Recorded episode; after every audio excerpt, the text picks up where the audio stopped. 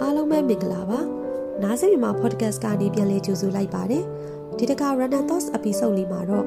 အမားတွေအကြောင်းရောက်တဲ့ရရအတွေးလေးတွေကိုဝေမျှပေးလိုပါတယ်အားလုံးလည်းစိတ်ဝင်စားမယ်လို့ထင်တယ်ပေါ့နော်ကျမတို့တွေမွေးဖွားလာချိန်ကနေအခုချိန်ထိပေါ့ဖြတ်တန်းလာတဲ့တခြားမှာမမားဘူးတဲ့သူ အမားမလုပ်ဘူးတဲ့သူဆိုလို့မရှိနိုင်ပါအားလုံးမှားတတ်ကြပါတယ်မှားလဲမှားဘူးကြပါတယ်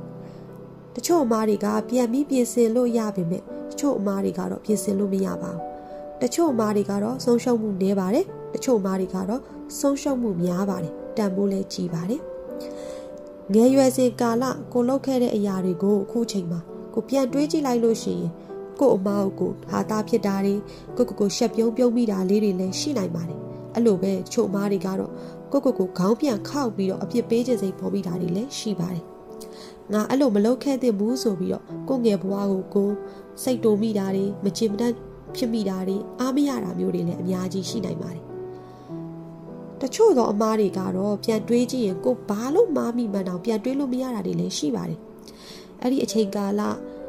အဲ့ဒီအချိန်တုန်းကပေါ့နော်ကိုမှရှိနေတဲ့ ဖြစ်ပေါ်နေတဲ့စိတ်နေစိတ်ထားအတွေးအမြင်တွေအခြေအနေတွေပေါ်မူတည်ပြီးတော့ပြုလုပ်ခဲ့တာဆိုပေမဲ့လေခုချိန်မှာကိုပြန်တွေးကြည့်လိုက်တဲ့အခါငါဘာလို့မြန်အဲ့ဒီအမှားမျိုးလုပ်ခဲ့ရတာပါလိမ့်ဆိုပြီးတော့ပြန်စဉ်းစားမိတာမျိုးပေါ့နော်အမားတော်တော်များများအတွက်လူတွေကနောင်တရလေးရှိပါတယ်ဒါပေမဲ့လည်းနောင်တမရတဲ့အမားတွေလည်းရှိပါသေးတယ်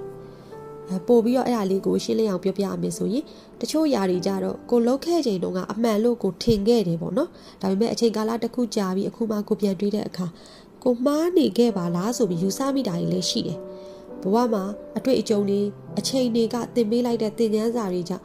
ကိုယ့်ရဲ့အတွေ့အခေါ်တွေယူဆချက်တွေခံယူချက်တွေပြောင်းလာတဲ့အခါမျိုးမှာအဲ့လိုအဖြစ်မျိုးတွေကြုံရလေးရှိပါတယ်အဲ့ဒါမျိုးကြတော့နောင်တရတာနေကြပါတယ် ဘာဖြစ်လို့လဲဆိုရင်အဲ့ဒီကာလတုန်းကကိုမှန်မဲလို့ယုံကြည်ဆုံးဖြတ်ပြီးလုပ်ခဲ့တာမျိုးဖြစ်လို့ပါအချိန်ကာလတစ်ခုကြာမှကိုကမှားမှန်းသိပေမဲ့လေအဲ့ဒီအချိန်အဲ့ဒီကာလကိုလုပ်ခဲ့ချိန်တုန်းကကိုရဲ့အခြေအနေကိုကိုကောင်းကောင်းနားလည်နေလို့ပါပဲကိုလှုပ်တဲ့လှုပ်ထိုက်တာကိုလှုပ်ခဲ့တယ်အခုပြန်တွေ့ကြည့်မှအဲ့ဒါအမားတစ်ခုဖြစ်နေပေမဲ့ကိုလှုပ်ခဲ့တာဒီအဲ့ဒီအချိန်တုန်းကအလုတ်တဲ့အလုတ်ထိုက်ဆုံးအရာတစ်ခုကိုလှုပ်ခဲ့တယ်လို့ယုံကြည်တဲ့အတွက်ကြောင့်ပါအဲ့လိုမျိုးမှကြတော့နောင်တရမှုနည်းပါတယ်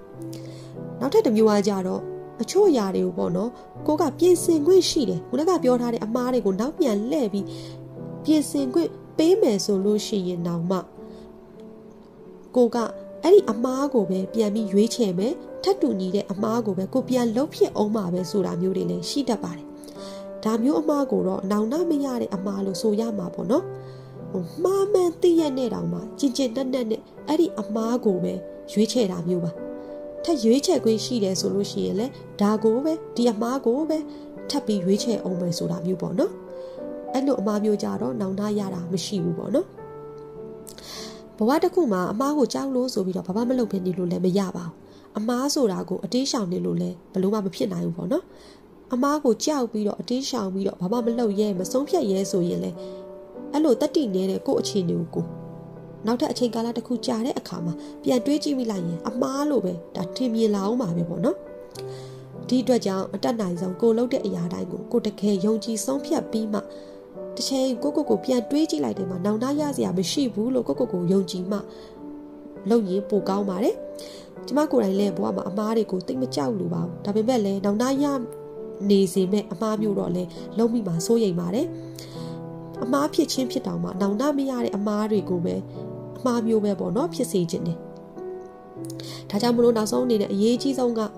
တော့အမားတွေဘလို့ပဲလှုပ်ခဲမိတယ်ဆိုရင်တော့မှအဲ့ဒီအမားတွေအပေါ်အချိန်ကြာကြီးဝမ်းနဲ့စိတ်မကောင်းဖြစ်ပြီးတော့နောင်တရနေတာမျိုးထက်စာရင်အဲ့ဒီအမားတွေနဲ့အဲ့ဒီအမားတွေကြောင့်ရလာတဲ့ရလက်ကိုလက်ခံမှုကပေါ့နော်ပို့ပြီးအရေးကြီးတယ်လို့ပြောလိုပါတယ်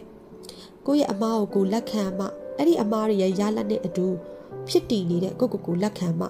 အမားလုပ်ခဲ့တဲ့ကိုကိုကို ကိုယ်တိုင်ကလက်ခံနားလည်မှုပေးမှသာ